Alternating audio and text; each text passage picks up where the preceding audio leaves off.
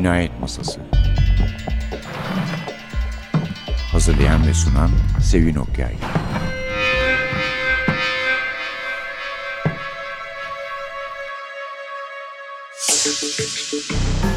Merhaba, NTV Radyo'nun Cinayet Masası programına hoş geldiniz. Efendim baktık ki son zamanlarda daha çok mizah yanı öne çıkan kitaplar huzurunuza geliyoruz. E şimdi basbayağı bir polisiye roman sunalım dedik. Gerçi biraz aşk da var işin içinde. Çünkü yazarımız Tess Gerritsen biliyorsunuz o da yazarlığa romans romanlarıyla yani romantik gerilimlerle başlamıştı. Hatta bunları yazmaya ilk başladığı yani bastırmayı ilk kabul etmeyi başardığı kitabı bu gece yarısından sonra e, size takdim ettiğimiz bugün Call After Midnight. Harlequin Interview 1986'da almış bir yıl sonra basmış. Ondan sonra 8 tane daha yazmış bu kitaplardan. 8 tane daha yazdıktan sonra 1996'da ilk tıbbi gerilim romanını yazmış. Hasat Harvest sayeden de böyle neredeyse korkutan aynı zamanda bir gerilim romanıdır ve ondan sonra bu tıbbi yoldan gitmeye karar verdi ama niye tıpla ilgileniyor isterseniz daha bir başından alalım. Gerritsen 1953 doğumlu San Diego, Kaliforniya'da doğmuş. Yazar, tıp doktoru. Meslekleri bunlar. Stanford Üniversitesi, Kaliforniya Üniversitesi ve San Francisco Üniversitesi'nde eğitim gördü. Antropoloji, tıp okudu. Sonra da Honolulu, Hawaii'de doktor olarak çalışmaya başladı. Ve hamilelik izni almışken de Honolulu'daki bir dergiye, aynı adı taşıyan dergiye bir hikayesini verdi. Bastılar. Yarışmaya katıldı daha doğrusu. I'm Choosing the Right Crack Seat adlı hikayesi birincilik ödülü aldı. 500 lira yani şık bir ödül. Yazarak para kazanmayan bir insan için. Annesiyle çetin bir ilişkisi olan genç bir erkek üzerine bir hikayeydi bu. Gerritsen bu hikaye sayesinde kendi çocukluğuyla, çocukluk sorunlarıyla ki bunların arasında annesinin muhtelif intihar girişimleri de vermiş. Başa çıkmayı öğrendiğini söylemişti. Yani sonunda tıbbi gerilimlere sapması bu yüzden bildiği bir şey. Ayrıca eşi de doktor. Ondan da eşi de doktor. Dolayısıyla paylaştıkları bir şey de olmuş. Jacob Gerritsen eşi iki tane oğlu var. Sonra Gerritsen'ın ilk polisiyesi yayınlandı. The Surgeon, cerrah.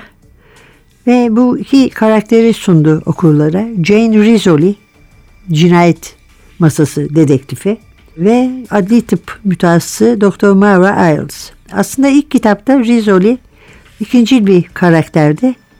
Ama giderek bu romanların merkezinde duran iki karakterden biri oldu. Hatta zaman zaman daha bile öne çıktı.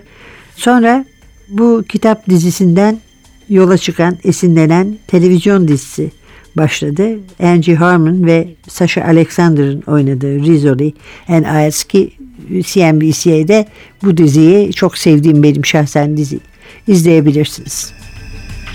Your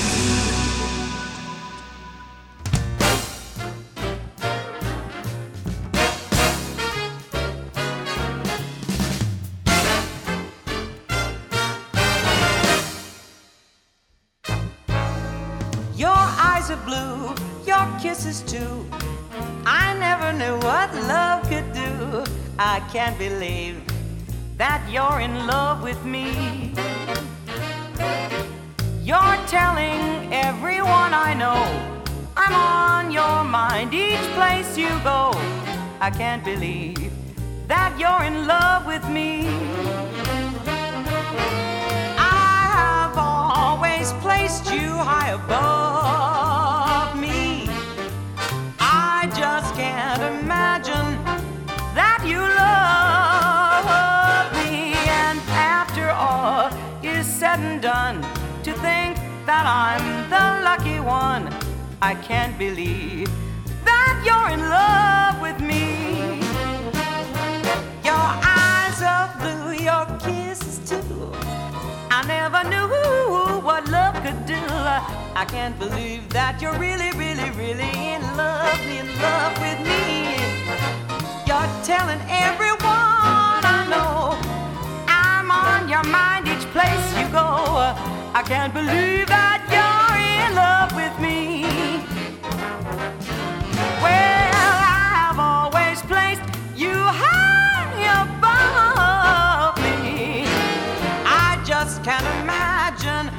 That you love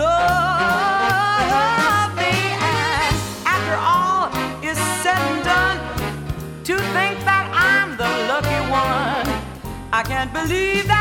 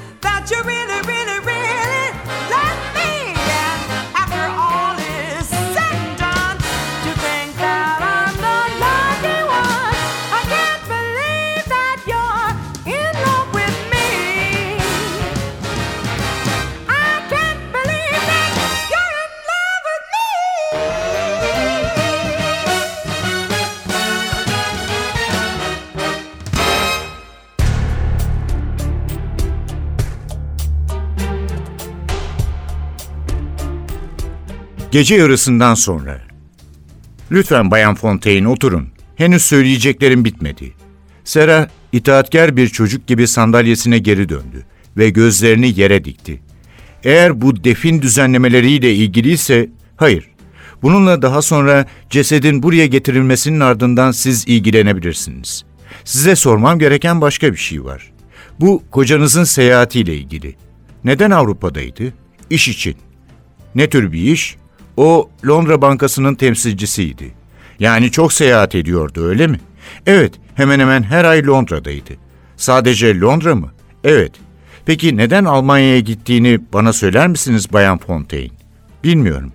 Bir görüşünüz olmalı. Bilmiyorum. Nereye gittiğini size söylememek gibi bir alışkanlığı var mıydı? Hayır. O zaman neden Almanya'daydı? Bunun bir sebebi olmalı. Belki de başka türlü bir iş. Başka bir... Sera sertçe başını kaldırdı. Başka bir kadın mı? Sormak istediğiniz şey bu, öyle değil mi? Adam yanıtlamadı. Öyle değil mi? Bu mantıklı bir şüphe olur. Söz konusu Jeffrey ise değil. Bu herkes için mantıklı. Gözleri Sera'nınkileri yakaladı. Sera başını çevirmeyi reddetti. Adam, iki aylık evliydiniz dedi. Kocanızı ne kadar iyi tanıyordunuz? Tanımak mı? Ben onu seviyordum Bay O'Hara. Ben burada sevgiden bahsetmiyorum. Bu ne demekse. Size o adamı ne kadar iyi tanıdığınızı soruyorum. Kim olduğunu, ne yaptığını, ne zamandır tanışıyorsunuz? Ben sanırım altı aydır onunla çalıştığım yere yakın bir kafede tanıştım.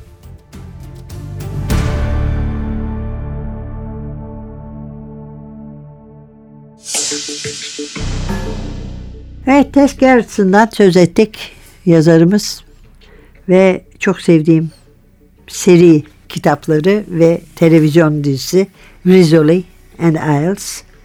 Bugünkü kitabımız daha önce de söylemiştim. Gece yarısından sonra Call After Midnight. Üstüne de yazmış Martı'dan çıkmış bu. Çırak, günahkar ve silinişin yazarı.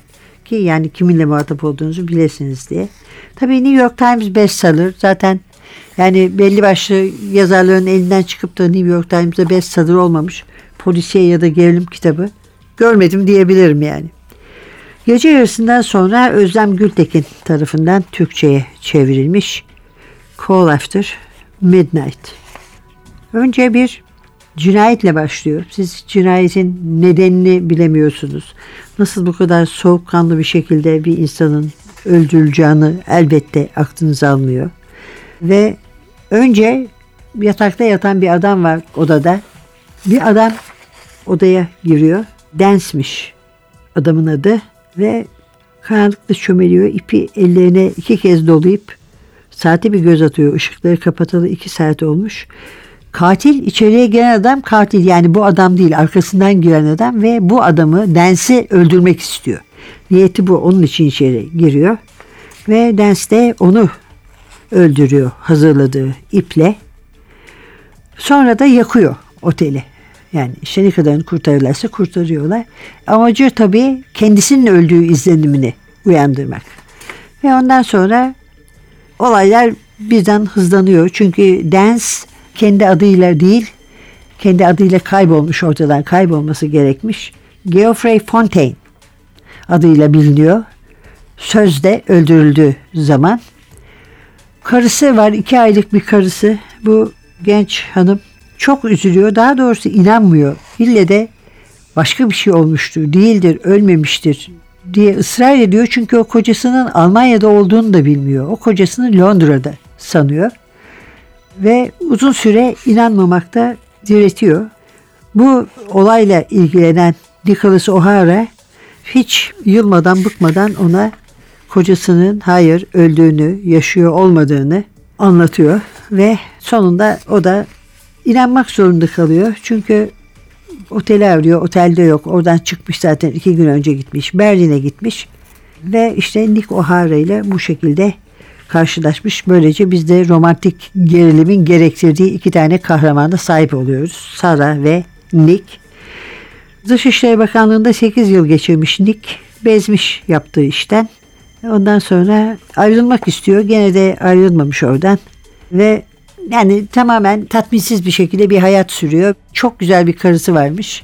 Karısı onu bırakmış ve böylece yalnız da kalmış mutsuz olmanın yanı sıra. Yes,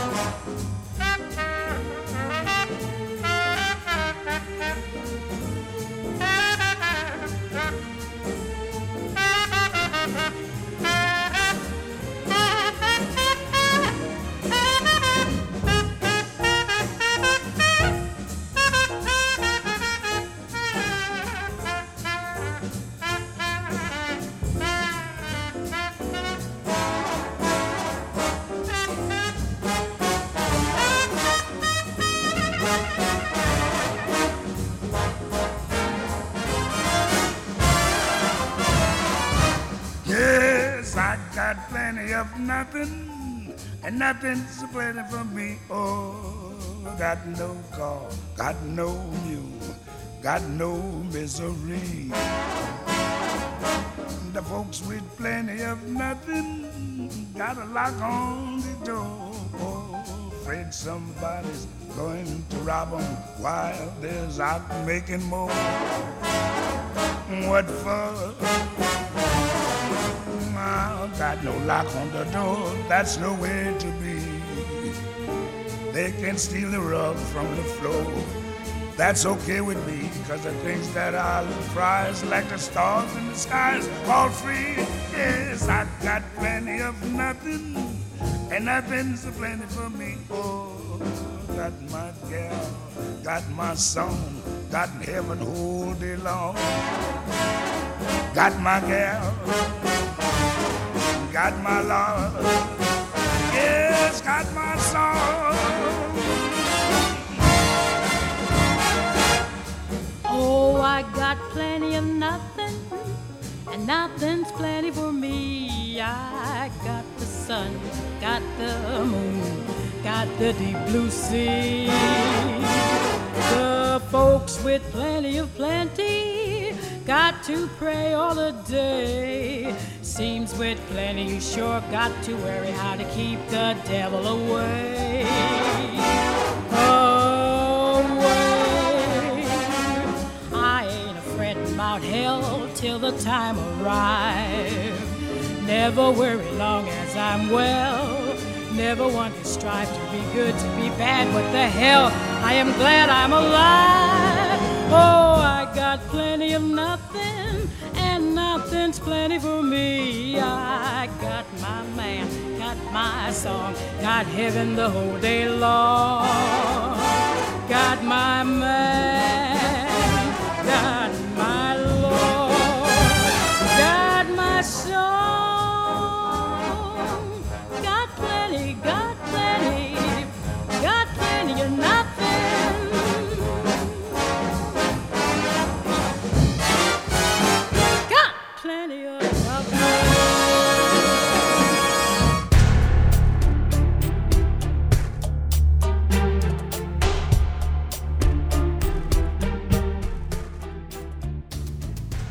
Dairesinin kapısı ardına kadar açıktı. Biri içeri girmişti. Sera içgüdüsel olarak geri çekildi. Kapının ardında onu bekleyebilecek şeyden korkmuştu. Nick'in arkasında kaldı. Hiçbir şey söylemeden onun kolunu kavradığını fark etti. Nick açık kapıya baktı. Yüzü aniden gerilmişti. Sera deli gibi çarpan kalbinin gürültüsü dışında hiçbir şey işitmedi. Daire kesinlikle sessizdi. Açık kapıdan süzülen ışık koridora vurulmuştu. Nick ona olduğu yerde kalmasını işaret etti. Ardından büyük bir dikkatle kapıya yaklaştı. Sera onu takip etmeye başladı. Ancak Nick ona uyarıcı nitelikte öyle sert bir bakış attı ki Sera hemen geri çekilmek zorunda kaldı. Nick kapıyı iterek açtı, ışık üzmesi genişledi ve yüzüne yayıldı. Birkaç saniye boyunca kapı girişinde dikilerek odaya baktı. Ardından içeri girdi. Sera koridorda bekledi, sessizlikten korkmuştu. İçeride neler oluyordu? Kapı girişinde bir gölge hareketlendi. Gittikçe büyüyen ana hatlarını seyrederken panik tüm bedenini sarmalamaya başladı. Ardından Nick başını dışarı uzatarak onu rahatlattı. Sorun yok Sera dedi. Burada kimse yok. Sera onun yanından koşturarak içeri girdi. Oturma odasında durakladı. Gördüğü şey onu şaşkına çevirmişti. Eşyalarının götürüldüğünü, televizyon ve müzik setinin durduğu rafınsa boş olacağını düşünmüştü. Ama hiçbir şeye dokunulmamıştı. Hatta antika saat bile yerindeydi. Kitaplıkta kendi halinde tıkırdıyordu. Döndü ve yatak odasına doğru koştu. Nick de yakın takipteydi. Sera doğrudan şiponyerdeki mücevher kutusuna yönelirken Nick kapı girişinden onu seyretti. İnci kolyesi orada, kırmızı kadifenin üzerinde, aynen olması gereken yerde duruyordu. Kutunun kapağını hızla kapatarak döndü ve odayı çabucak taradı. Battal boy yatağa, üzerinde porselen lamba duran şifonyere ve dolaba baktı. Sonra kafası karışık bir tavırla gözlerini Nick'e çevirdi. Nick, ne eksik diye sordu. Sera başını salladı. Hiçbir şey. Kapıyı kilitlemeyi unutmuş olabilir miyim?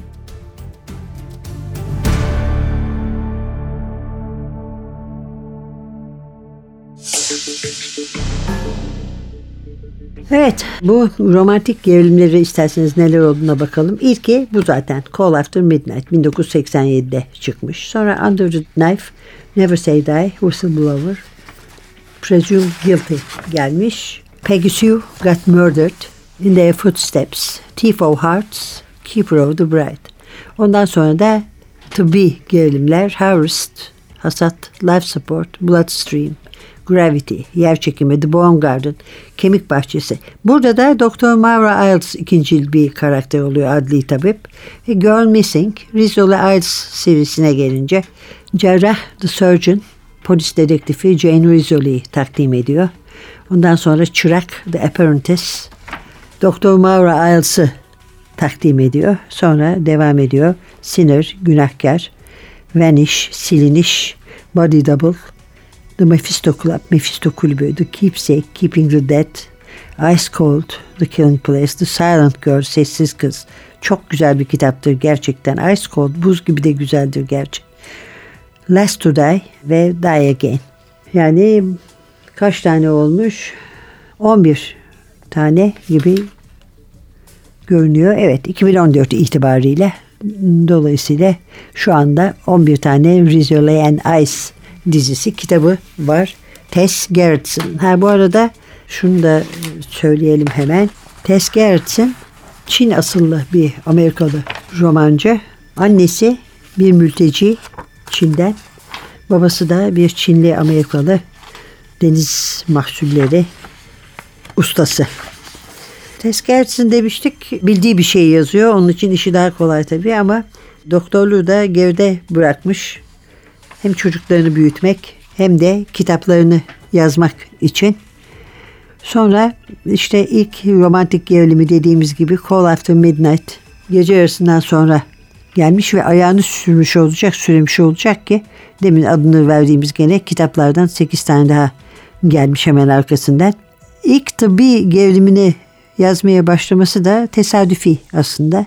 Akşam yemeğinde bir konuşma sırasında yanında oturan adam restoranda sabık bir polismiş ve Rusya'daki Amerikan iş adamlarını koruyan bir güvenlik servisinde çalışıyormuş. Son gidişinde Rusya'ya Moskova'daki polisler ona demişler ki Rus yetimler sokaklardan siliniyor, kayboluyor. Ve bu çocuklar onlara göre Rus mafyası tarafından kaçırılıyor ve organ verici olarak Rusya dışına çıkartılıyor. Ki tabii dehşete kapılmış Tess. Yani her zaman da dehşete kapılır ama yani günümüzü düşünürseniz dizilerde ve kitaplarda artık o kadar çok işlendi ki galiba biz lazım gelen dehşete de kapılamıyoruz. Do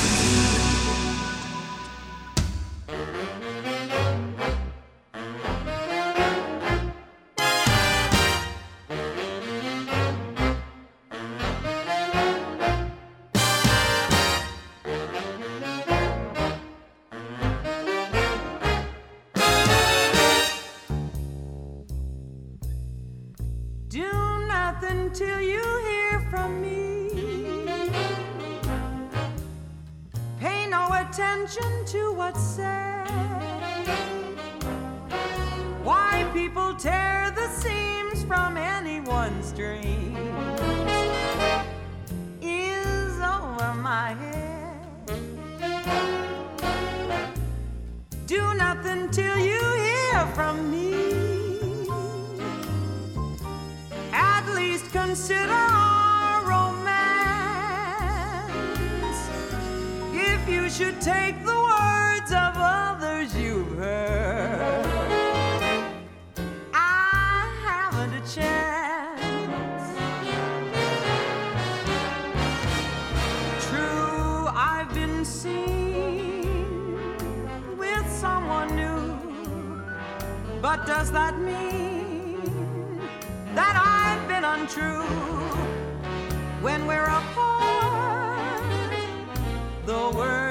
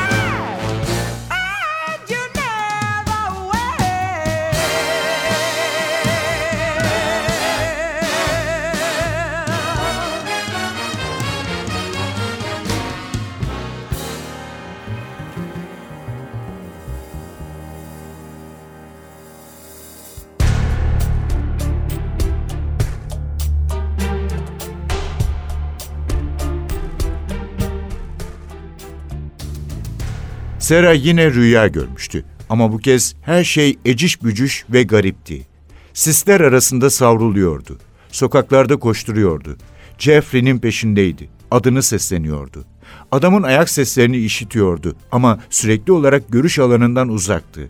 Sera'nın ulaşamayacağı bir yerdeydi. Sonra ayak sesleri değişti. Bu kez sesler arkadan geliyordu.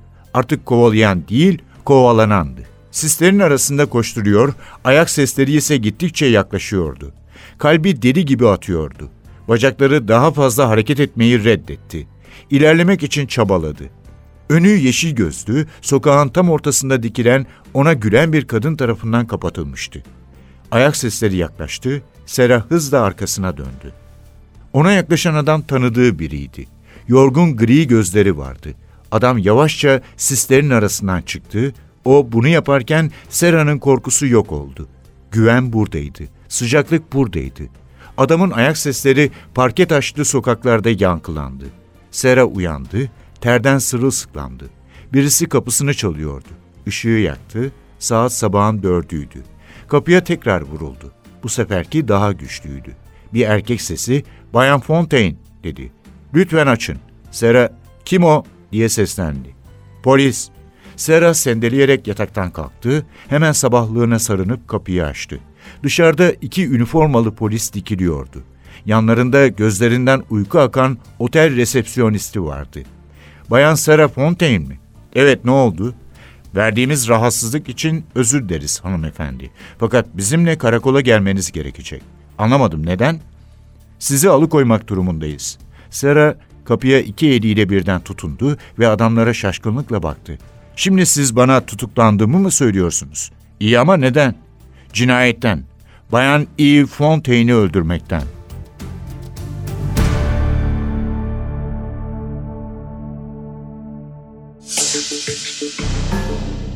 Bu sadece başına gelirse anlama bilme ve canı yanma meselesi tabii biraz kanıksamaktan geliyor. İşte filmlerde, dizilerde, kitaplarda görmekten. Biraz da hakikaten anlayamamaktan ne olduğunu, empati yokluğundan, yoksunluğundan belki. Ama hiç şüphe yok ki son derece üzücü bir durum. Bu arada Garrison'ımız yazarken Stephen King de hayranı olmuş ve onun Palmer'dan, Cook'tan ve Christian'dan bile daha iyi olduğunu söylemiş ki Michael Christian da doktordu biliyorsunuz. Ama o aynı zamanda T-Rex'lerle ve Sire dinozorlarla da uğraşan biriydi. Maine'de oturuyor Tess Gerritsen. Yazmadığı saatleri ailesiyle geçiriyor. Bahçe, bahçıvanlık seviyor. Bahçesine bakıyor ya da keman çalıyor. Bir söyleşten yararlanıyorum şimdi. Hangi yazarları severdiniz büyürken diyor. Okumayı, hangilerini okumayı tercih ederdiniz? Pek çok kadın polisiye yazarı gibi ben de Nancy Drew polisiye serisini çok severdim. Çünkü her kız için bir rol modeliydi. Bağımsız, zeki ve becerikli biri olmak istiyordu büyüyünce. Red Bradbury, Isaac Asimov ve elbette Tolkien'i de çok severdim demiş. Doktor olması hep bilimle ilgilenmesi bir yana annesiyle babasının yazarlıktan pek hoşlanmaması, yazarlığı açıkçası gözlerinin tutmaması ve güvenilir bir kazanç kaynağı olarak da görmemeleri yüzünden ve ondan doktor olmasını istemişler. O da işte önce antropoloji okuduktan sonra başka bir üniversiteye gidip oradan da doktor olmuş. Sonra doktorasını yapmış ve ondan sonra da görevini yerine getirmiş bir evladın ruh huzuru içinde polisiye gerilim, romans bir de yazmaya başlamış. İlk kitabı yazarken çektiği en büyük sıkıntı kitabı bitirecek azme ve isteğe sahip olmak olmuş ki bunu çok iyi anlıyorum emin olun bu yaptığı işi daima ertelemek isteyen bütün kalem erbabının başına gelmiştir mutlaka diye düşünüyorum. Gerçi tabii böyle ender olmakla birlikte çok disiplinli çalışanlar da var ama bunun nasıl bir duygu olduğunu ben bilmiyorum. Çünkü hep kitabı bırakmak ve yeni bir şeye başlamak istiyormuş. Daha kolay ve daha eğlenceli olduğu için.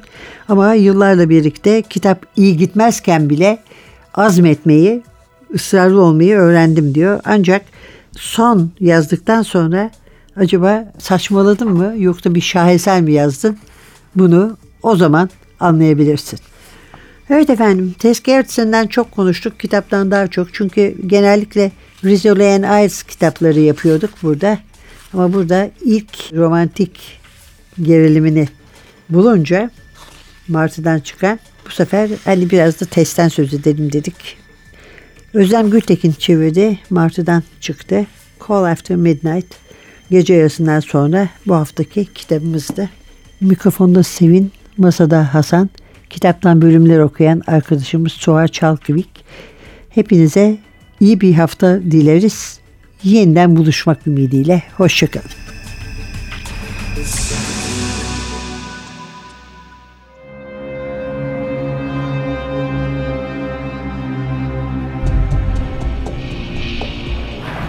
Cinayet Masası.